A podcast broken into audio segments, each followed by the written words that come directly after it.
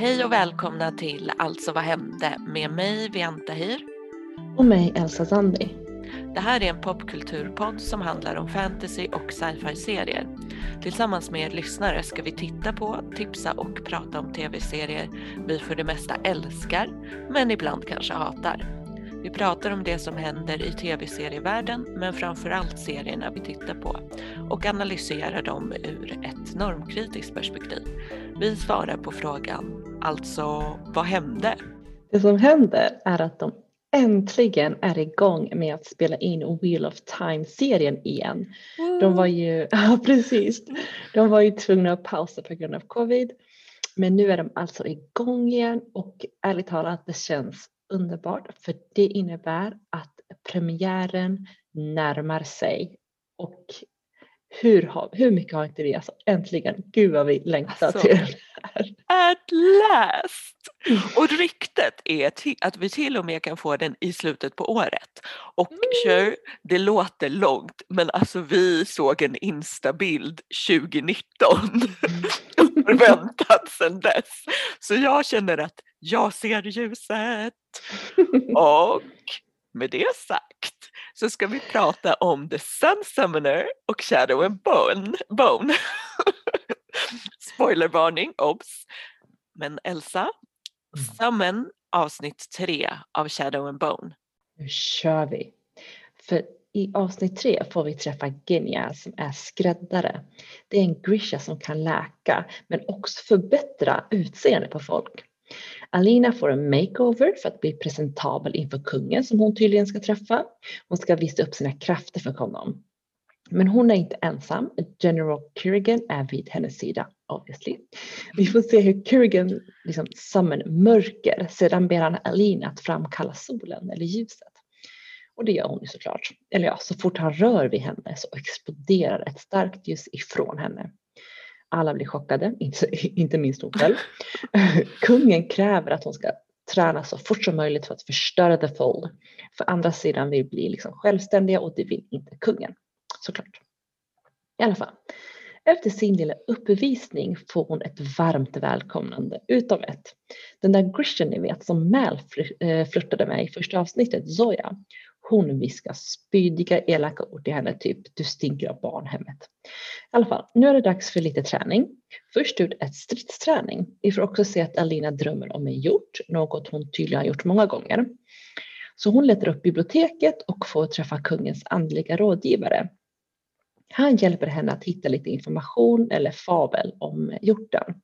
Här får vi reda på att det finns eh, en Grisha long ago som skapade my mytiska djur fulla av krafter som bara Grishas kan använda. För att få deras krafter måste man döda dem och bära en del av dem på sig. De här kallas amplifiers, amplifiers eller på svenska främjare. Hon får i alla fall med sig en bok från den här andliga rådgivaren eh, som heter typ Helgons liv. Efter biblioteket är det dags att träffa Bagra. Och det är hon som lär alla Grishur att tygla sina krafter. En rätt brutal och hård lärare. Här får vi reda på att det även finns mänskliga amplifiers, inte bara djur. Och vi får också reda på att General Kerrigan är en eh, främjare. Så nu vill Bagra veta om Alina kan framkalla sina krafter utan att Kerrigan håller henne i handen. Och det går inte så bra. Det är kämpigt överlag för Alina i det här lilla palatset. Ehm, det, det går liksom inte, hon känner sig ensam och allting är bara grått. Bajs. bajs, precis. Allting är bara bajs. Men under hela det här avsnittet får vi också se att Alina skriver brev till Mal om hur bra hon har det, hur coolt allting är. Hon ljuger alltså helt enkelt för honom. För att han inte ska oroa sig. Kaz och gänget förbereder sig för att ta sig igenom The Fold. Men de behöver också ett sätt att ta sig in i lilla palatset. Det är det mest guarded place i hela Ravka och där Alina är. Konduktören säger att han gör det här med hjälp av en hjärtskärare. Inte hon som hjälpte till vid första avsnittet, nej, nej, nej, en annan. Hon heter Nina. Eh, och Nina är lite av en rebell. Men i alla fall innan The Crows hinner fram till henne får vi se hur fyra Fjordens attackerar och kidnappar henne. Men jag måste också säga att hon ger dem också en massa spö. Så hon är ganska, hon är badass, vi får veta det liksom. Så vi får se att de, de, de tar Nina till ett skepp. Eh, där finns andra kidnappade, Grishas. Hon ska, färdas, hon ska tydligen färdas till Fjärda för att få en eh, rättegång för att hon är en häxa. Eller ja, hon kommer bli dödad. Vi vet det, hon vet det, alla vet det. Mm. Okej, okay, back to the crows. Det är inte bara en hjärtskärare de behöver för att klara det här jobbet utan de får en lista med andra grejer att hämta. Typ jorda, 10 kilo kol och en get. Ja. Weird, jag vet. Men vi får veta mer sen. Jag får se nu. De delar på sig för att få med sig allting. Inej får tag på sin eh, jorda. Kaz tar med sig geten. Men Jasper, han förlorar alla pengar för han har gamblingproblem. Och det här leder till att han inte får tag på 10 kilo kol utan 7 kilo kol. Och det är nu vi får se konduktörens specialtransport som är ett tåg, hens 10 kilo kol. Konduktören är lite av en vetenskapsman som har skapat allt det här och nu sitter alla och hoppas att 7 kilo kol räcker för att ta sig igenom the fold och till andra sidan. Det går sådär. De blir självklart attackerade. Alla får panik, men mest Jasper, så konduktören ser åt honom att ta tag i geten. Jasper vägrar off offra den, men konduktören säger att den inte är till för att offras utan man ska krama den och lugna ner sig. Så Jasper kramar och myser med geten som ger honom trygghet. Så pass mycket att han tar mod till sig och börjar skjuta monstren. Jasper saves the day efter att han nästan dödade dem alla. Så nu är gänget alltså igenom The Fall och ute efter Alina. Avsnittet eh, avslutar med en massa flashback där vi får se Alina och Mal. För Alina skriver ännu ett brev till Mal. Det här, den här gången är det ett mer ärligare och hjärtskärande brev där hon helt enkelt uttrycker sin kärlek och saknad för honom. Alltså nu, nu började det äntligen hända grejer kände jag. Och då hände det massa på en gång. Men alltså geten! Jag trodde precis som Jasper att konduktören skulle säga till honom att slänga ut den och jag var också som Jasper extremt emot det. Så det var så fint att den, så här, den skulle inte alls vara till för något offrande utan bara någon slags support animal. Och det är så fint att den liksom hjälpte Jasper att få tillbaka sin cool. Jag trodde också att geten var till för att offra. Jag bara, åh nej. Och du vet när Cas kommer där med den där geten. Jag bara, alltså Cas, kunde du inte hitta en gulligare get? Kunde du inte ta någon gammal, sjuk? Nej, nej, han tar en typ nyfödd bebis. Men alltså det är så himla fint ändå. Att den gav honom styrka och räddade oss allihopa. Ja, alltså jag gillade inte bara geten, jag tyckte också att Jasper, still my fave, var så cool. Verkligen still my fave.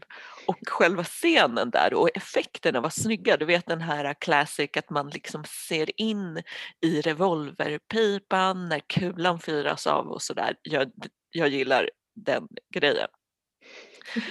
Men eh, alltså jag vet fortfarande inte vad ordet är för hans stil eller vem han påminner mig om. Så om någon av lyssnarna har något ord för det här så hojta till för tyvärr så är det fortfarande så att jag gillar hans pizzazz. Eller om man kan säga så här dashing gentleman, jag vet inte vad man kan säga. Så om någon har något ord, snälla hjälp mig. Men fortfarande som sagt min favoritkaraktär. Ja men nu alltså Jesper är bara så bäst så jag håller med dig. Och även i böckerna är han ju också eh, så himla bra. Eh, och så specialeffekterna, den, hela den scenen var fantastiskt snygg. Alla de här vinklarna de utnyttjade och eh, Jaspers face och geten. Allt, det var så himla välgjort helt enkelt. ja, Jasper var toppen men geten var nog stjärnan här. men en specialeffekt som verkligen inte var snygg, det var ju det här glowet i Elinas ansikte när hon liksom skulle summon the sun. Det, Mm. alltså det såg rätt fånigt ut. Mm, ja, men jag håller med. Det var inte snyggt. Och det var inte snyggt redan första gången, du vet på båten, när, för det var ju samma effekt när man fick se det här ljuset. Det, jag håller med, det var faktiskt inte snyggt alls. Inte då, inte nu. Nej, och grejen är, de hade inte behövt visa hennes ansikte där utan bara Mm. ljuset egentligen. Så ibland less is more på specialeffekter. Mm. Men en annan effekt däremot som var snygg det var ju när Genya gav henne den här makeovern och liksom magiskt fick bort hennes sår och typ eh, rätade ut hennes hår och så. Mm. Men makeovers i allmänhet, ugh, Mhm. Hatar sådana och hatar speciellt när de ska bli så bryskt runtknuffade, slängda ner i bad, skrubbade och liksom allting är så här ruffigt och onödigt med sådana scener. Kunde de liksom inte bara kunna låta henne gå i badet och bada lite mysigt i fred? Hon fick ju inte ens bada typ. Det hela var så himla lustigt tycker jag. Ja, men det, alltså, det är så, så jag, jag håller, så, så håller jag såklart med dig allmänt om makeovers. Jag, jag tycker det är också väldigt, väldigt, ah, det är så himla, kan, kan man säga 90-tal?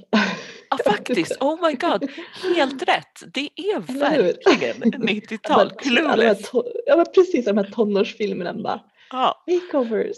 ja, verkligen.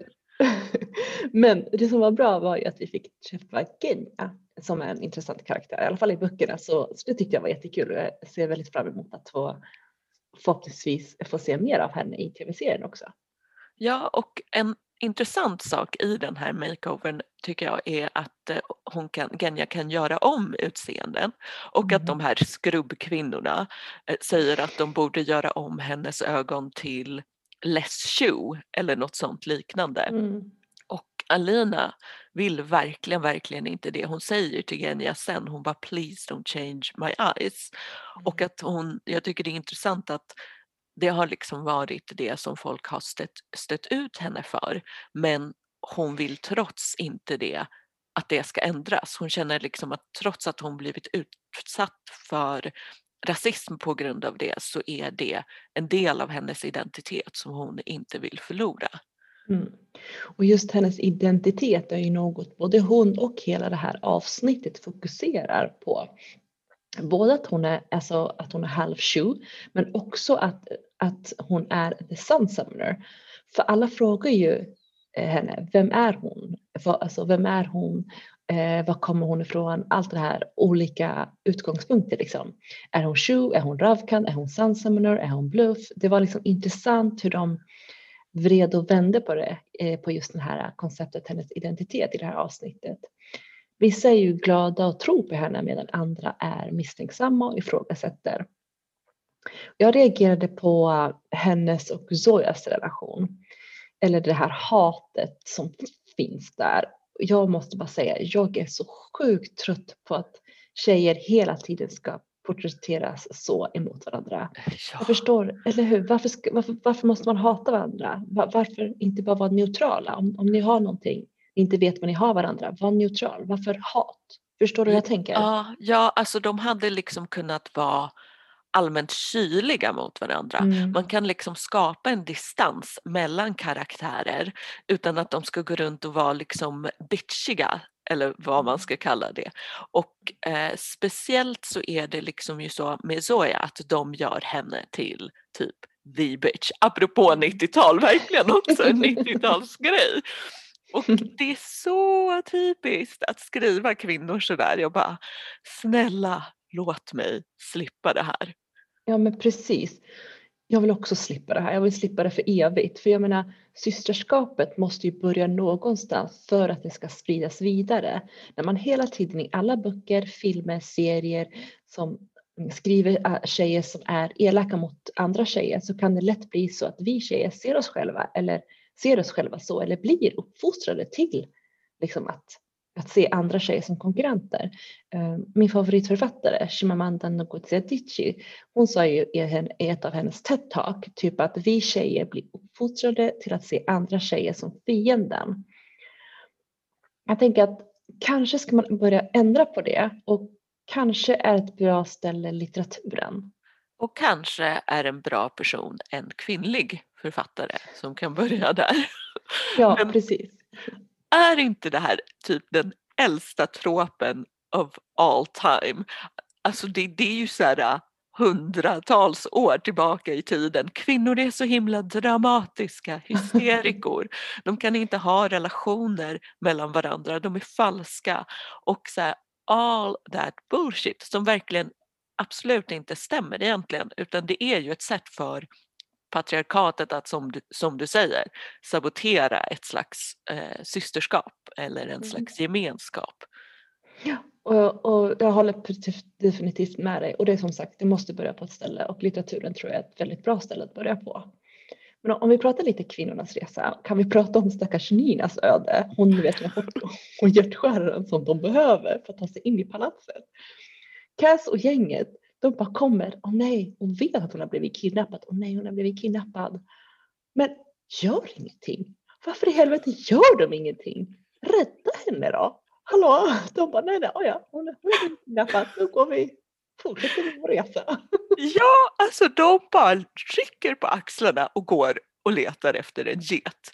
No offense geten, super cute and all. Men att de bryr sig om en get mer än Nina. Så, så taskigt.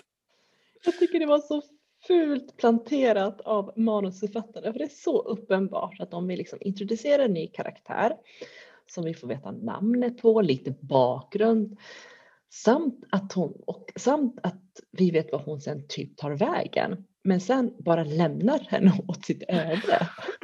Ja, hon kommer ju komma tillbaka sen när vi behöver henne men det är så ruttet. De bara iväg på ett skepp, lycka till, ingen bryr sig och sen kommer det bli så här, hej hej, du är tillbaka, ingen brydde sig. Alltså så ruttet. Men Mäl är ju också borta. Just det, ja. För att jag saknar honom om jag ska vara ärlig. Alltså, jag tycker inte det är så farligt men han puffade ju bort som i Endgame typ. Puff, borta. Ja men typ så. Och ärligt talat så saknar inte jag heller honom. Jag vet inte om det är för att jag är en, egentligen en Six of Crow fan mer än Shadow and Bones. Jag vill liksom vara hos gänget eller Kaz-gänget. Eller är det så att Mal och Alina helt enkelt inte är intressanta nog för mig? Yes! yes. nu är du på, ett, alltså på mitt team, i alla fall om en av relationerna. Så jag känner bara, välkommen till the snooze gang! tackar, tackar, tackar.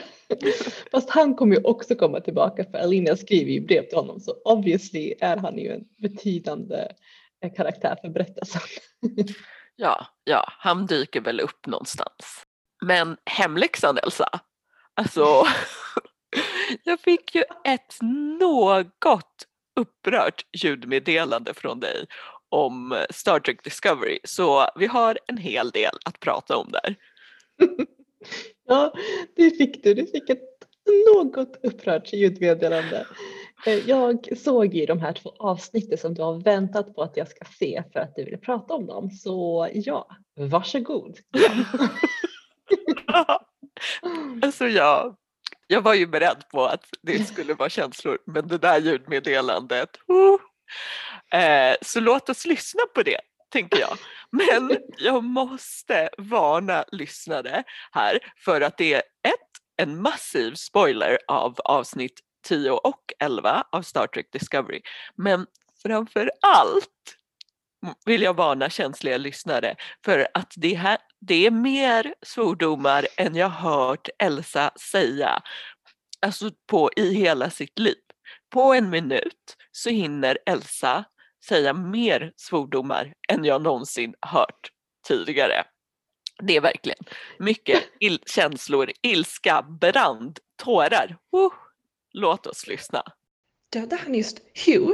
Jag visste att Ash var fucking jävla Dödar han just Hugh och jag tänkte att jag tittar, jag tittar lite innan mitt jävla möte klockan halv. Jag har möte om tio minuter och jag håller på att gråta ihjäl. Dödade Ash Hugh? Jag kommer fan i mig bränna ner hans jävla kropp. Oh my god! Okej, Okej, jag kan inte kolla mer. Jag har tio minuter på mig. Fan att du inte varnar mig för det här. Okej. Okej, jag, jag måste... Fan, mitt möte börjar om tio minuter. Jävla skit! Jag hatar Ash. Jag visste att jag hatade Ash. Ja, jag tänkte jag gör en warp speed sammanfattning åt Elsa för annars börjar hon skrika igen. Så här är det. De hamnar i ett spegeluniversum. Tilly låtsas vara eh, en ond counterpart, Captain Killy. Um, Ash är ond och dödar Hugh. Alltså först och främst, alltså när jag, när jag, även när jag lyssnar på det här ljudmeddelandet, bara känslorna kommer tillbaka. För vet du vad? Jag visste det. Jag visste det. Jag sa det från första början. Man kan inte lita på Ash. Är han ens människa? Vad är grejen med Ash? Kan man lita på honom? Jag har sagt det hela tiden. Och nu bara Pam in my face dödar han Hugh. Alltså, du förstår inte. Så länge jag varit tvungen att hålla masken. Och liksom hålla masken för att jag visste att du hade rätt. Men jag visste också hur rätt du hade. Alltså jag måste säga props till you som höll masken. Alltså du var duktigt av dig. För att, jag, jag visste, alltså, jag hade en känsla av att Ash var liksom, att man inte kunde lita på honom. Men ärligt talat trodde jag att det skulle, att jag, för han dödade ju Hugh på sånt cold-hearted, liksom det går så snabbt, jag hinner inte med. Och den här betrayen är liksom på olika nivåer. För det första är ju liksom att den här känslan av att man inte blir hörd. För när man, jag vet inte hur du är eller hur ni lyssnar är, men när jag tittar på ett på en tv-serie, då, då, är jag inne i den här tv-serien. Jag är ju, jag är ju på Discovery med de här. Det här är mina människor, det här är min My Peoples. Och jag har gått runt och sagt till dem, Ash, lyssna, alltså, det här är något spel på Ash. Och Pam, han dödar Hugh. Så jag känner mig inte hörd. Jag känner mig in, alltså jag bara, jag vill ha så här family therapy med, med min crew. Så känner jag liksom. Så det är på den nivån också. Och sen är det du ville ha ett hemligt möte för ja. två avsnitt sen liksom. Eh, eh, från första början. Sen han ja. den här idioten kom in på vårt skepp, okej? Okay? Men sen så är jag lite besviken på manusförfattarna, du vet också. Det blir också sådana här, här har vi ett hälsosamt, fint par som också, också liksom är representation för hbtq eh, representation. Det är, liksom, de är så bra på många sätt det här paret och ett power couple. De är väldigt viktiga båda två. Och så går de och dödar av Hugh och vad händer med Stamets liksom? Det är inte så att han bara åh buhuhu, han hamnar ju liksom det är också ganska intressant hur han hamnar i en slags koma och hamnar inne i sporerna på något sätt i sitt eget huvud. Så de har ju verkligen förstört det här och det är också sån här betrayal där också. Men sen så måste jag säga att jag älskar det här, eh, älskar det här avsnitten. För jag älskar ju att de är i, i parallella universum. Eh, du vet, i det här universumet så, så är människorna fascister, de kallas för Terranimperiet, de vill bara ha renrasiga människor så alla icke-mänskliga arter är de emot och de, de har då de, de har ju då skapat en rebell liksom, och kämpat för sin frihet. Så himla typiskt människan och jag tycker det är, och den här, och så får vi veta att liksom, det styrs av en ansiktslös kejsare. Så jag tycker ju det här är ett jättegrymt, jättebra avsnitt. Alltså, jätte, alltså det är jättebra, det är hur bra som helst. Ja, och det här, det är classic Star Trek lore. Det här yes. dök upp i första gången i originalserien, det här med Mirror Universe. Jag mm. älskade det då, jag älskar det nu. Alltså jag blev så glad. Jag, jag anade ju att de skulle hamna i ett tidigare eftersom jag visste om så här, Mirror Universe-konceptet i Star Trek. Jag blev så glad när jag hade rätt. Det är så roligt för man får också se de här skådisarna spela helt annorlunda karaktärer samtidigt. Liksom. Och det är så spännande. Så jag är så glad. Välkommen till eh, Mirror Universe helt enkelt. Yes, ah, det här är så. Det, har, det här är, de här två avsnitten, eller det som har lett till de här två avsnitten har ju varit otroligt smart och välskrivet. Så jag tänkte på Michael som får möta sina, här, sina monster, sitt förflutna, för i det här parallella universumet så är ju alla hon älskar fortfarande vid liv liksom. Och sen så är det ju värsta cliffhanger såklart. Eh, för avsnitt 11 blir det. Eh, avslutas ju med att vi får se den här, det här, den här ansiktslösa kejsaren, hon, hon som styr allting. Och det är ju, det är ju Filippa. Det är ju kapten. Det är ju våran kapten. Eh, Michaels liksom kapten, hennes mentor. hon är liksom kejsaren som typ, hon är fascistens fascist. Fascistkejsaren, ja. Fascistkejsaren och det är ju så här, ah. Ja, jag, alltså, jag skrek när jag såg henne. Jag, var, typ- jag bara oh my god. Så smart gjort för att jag var skitsur när de dödade av det, henne och du var ju också det nu när vi, apropå saker jag behövt hålla masken om så kommer jag ihåg när du pratade om, eh, om att de hade dödat av henne. Mm. Jag blev jag så glad, så glad när hon kom tillbaka och look forward to Emperor Giorgio. Alltså, woo. Oh ja, oh ja. Alltså hela, jag, jag, bara, jag bara längtar till att jag ska få, få sluka lite avsnitt nu. Men det här var riktigt, vilken resa, vilken sådär, uh, det här var kul. Det här var Ja. riktigt kul. Åh, jag är så glad att du tyckte det var kul. Men du, apropå kul, eh, har du, en, har du hunnit se eh, någonting på Lovecraft Country? Har du fått ta din resa till Korea nu? Ja, jag har då hamnat i, hamnade i Korea på 50-talet. Och main Lauren i det här är ju Kitsu. Det här är, den här main Lauren handlar om min hund Kitsu. Eller inte min hund Kitsu. Det är inte så att hon är där. Men det handlar ju om eh, de här eh, Gumio som är den koreanska fabeln. Liksom. Men Mm. det finns också i Kina som Holy Jing. Och sen finns det också i Japan Mm. som Kitsune, min hund Kitsune. Alltså hon är döpt efter Kitsunes. Och för grejen är att de japanska kitsunes, de är inte alltid onda men de är definitivt alltid tricksters och eh, Mm. det är därför jag döpte henne till Kitsu som är kitsune för att jag visste från dag ett att hon skulle bli en trickster. Men de är liksom eh, oftast eh, kvinnor, ibland män och oftast så är de kvinnor som faktiskt är onda och liksom lockar och lurar män, vackra kvinnor som lockar och lurar mig. Men wow! Surprise, surprise! Att det Si- finns, ja, att det Jag finns s- ja, förlåt, jag tänkte bara, jag tänker på de här sirenerna som också sjunger och eh, My people om man säger så.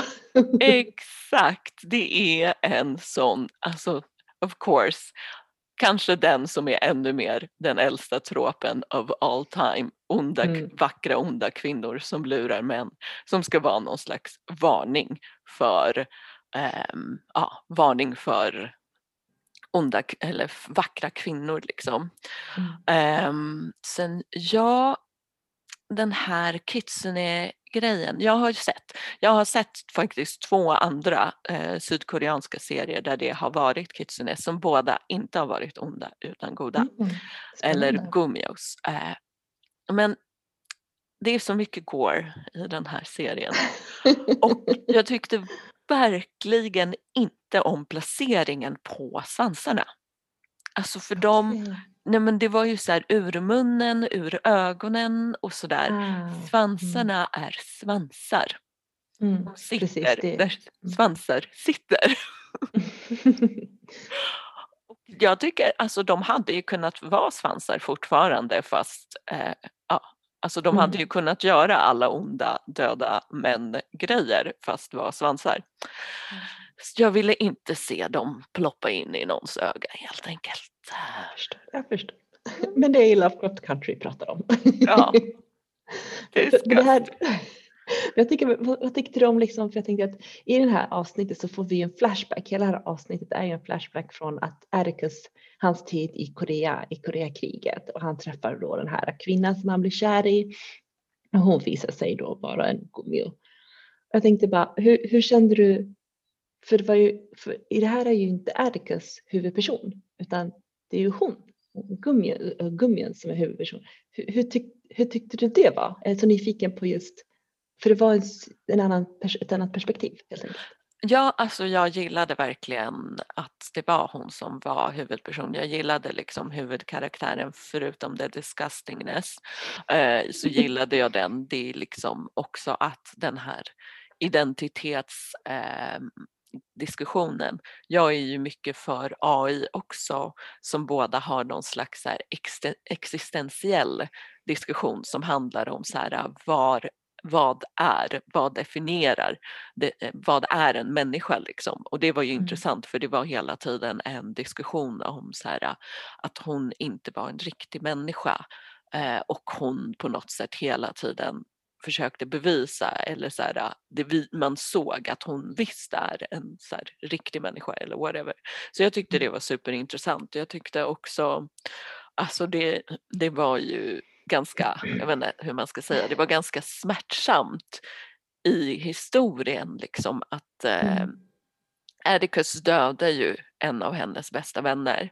Sen blir hon, eh, vill hon hämnas men the classic man vill hämnas, man blir kär. jag vet inte. Ja, det är så vanligt. Det händer ja, ju inte. Ja, det, det är verkligen logiskt. Nej, men så att hon blir kär i honom liksom och eh, mm. det blir också en slags eh, eh, vad ska man säga, en slags eh, slitning i det. Men framför allt som är intressant i den här krigssättningen, om man ska säga det, det är mm.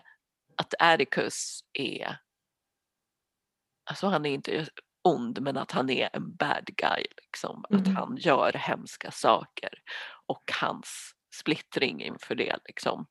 Mm. Och då, då kommer min, nu kommer the million dollar question. Var den här avsnittet, var det här Korea-avsnittet worth waiting for? Alla går, du har gått fått utstå för att komma till Korea. Ja, det var, det var ett väldigt bra eh, avsnitt. Eh, men apropå Gore, jag måste bara säga en sak om serien oh, överlag. Kan ja. de inte behålla kläderna på? Det är väldigt, väldigt explicita sexscener.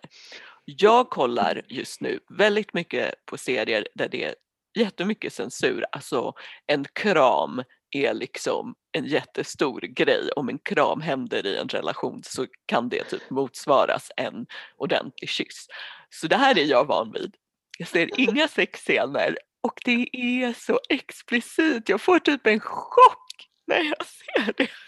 Fast ärligt talat så, jag håller med dig, de här sexscenerna i här, specifikt i det här avsnittet, det, det var wow. Jag ja, håller med dig. Väldigt explicita så jag känner som sagt Uh, ja, alltså, om vi nu, vi har pratat en hel del om 90-tal känner jag, men då längtar jag till 90-talsgrejen. De börjar klä av sig, kameran panorerar ut, kommer tillbaka när de ligger under täcket. Man vet att de har sex men vi behövde inte titta på det.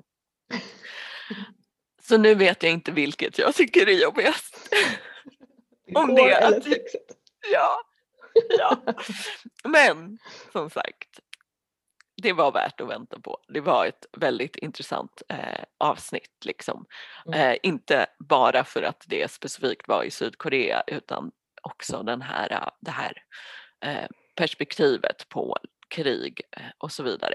Sen mm. of course den sydkoreanska biten eller liksom östasiatiska biten med mytologi från någonting annat än väst var mm. perfect eh, touch så mm. ja.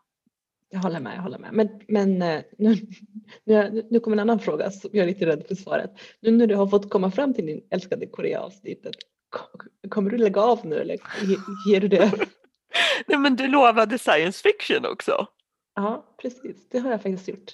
Ja, så då okay. måste, jag måste ju fortsätta till science fiction. Efter det däremot kan jag inte lova någonting. fair point, fair point. Men då vet jag att du kollar det ja. fram till Jag tar ett avsnitt i taget Elsa. Kommer de behålla kläderna på i Lovecraft Country? Kommer Elsa vara här till nästa avsnitt eller i ett Mirror Universe för att döda Ash? Och får vi se mer av geten? Hur går det för er med serierna? Hör gärna av er på Instagram, Facebook och Twitter där vi heter att alltså vad hände. Du har lyssnat på Alltså vad hände med mig Bianta Hir. Och mig Elsa Sandi. Vi hörs nästa tisdag när vi pratar vidare om Shadow and Bone. Lovecraft Country och Star Trek Discovery.